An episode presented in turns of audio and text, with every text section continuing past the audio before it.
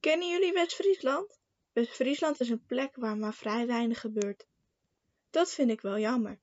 Maar op een doodgewone dinsdag heb ik echt iets ongelooflijks meegemaakt.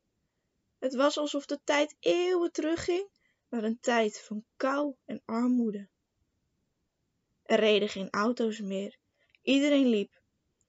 Ik keek rond en het was stil op straat. Het leek wel alsof iedereen binnen was. En toen ik dacht dat er echt niemand was, zag ik twee mensen. Ze leken mij bijzonder, vanwege hun kleding. Ze hadden allemaal oude stoffen om zich heen gewikkeld.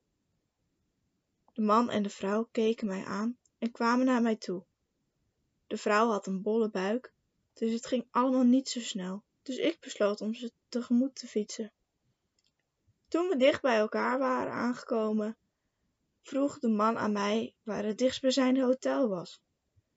Hij vertelde dat ze overal steeds weg werden gestuurd, omdat zijn vrouw, die blijkbaar Maria heette, zwanger was en elk moment kon gaan bevallen. De hoteleigenaren die Jozef gesproken had, wilden niet dat er een kind geboren zou worden in hun hotel. Dan zouden de hotelkamers zo vies worden. Begrijpelijk, maar toch. Deze vrouw die moet toch ergens haar kindje op aarde brengen? Jozef en Maria vroegen aan mij of ik hen wilde helpen om een plek te zoeken waar Maria in rust bevallen kon. Ik wilde dat wel.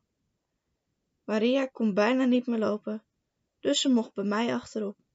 Samen fietsten we door het dorp en Jozef rende ernaast.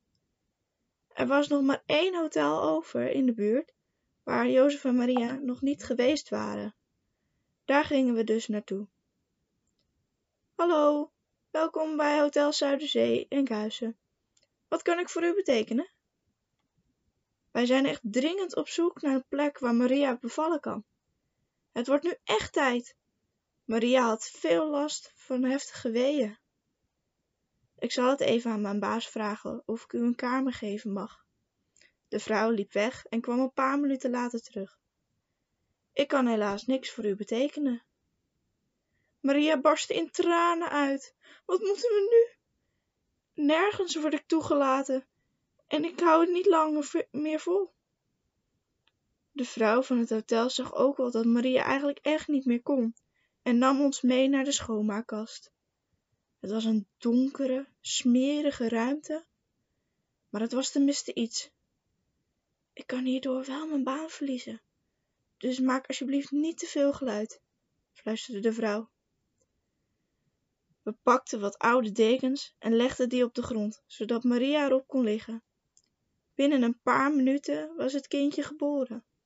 Het kindje werd ingewikkeld in de oude lakens en Jozef legde allemaal schoonmaakdoekjes in een afwasstuiltje. Daar werd het kindje ingelegd. Zo, zo lag het kindje, wat Jozef en Maria Jezus hadden genoemd, lekker warm. En was het toch nog allemaal goed gekomen.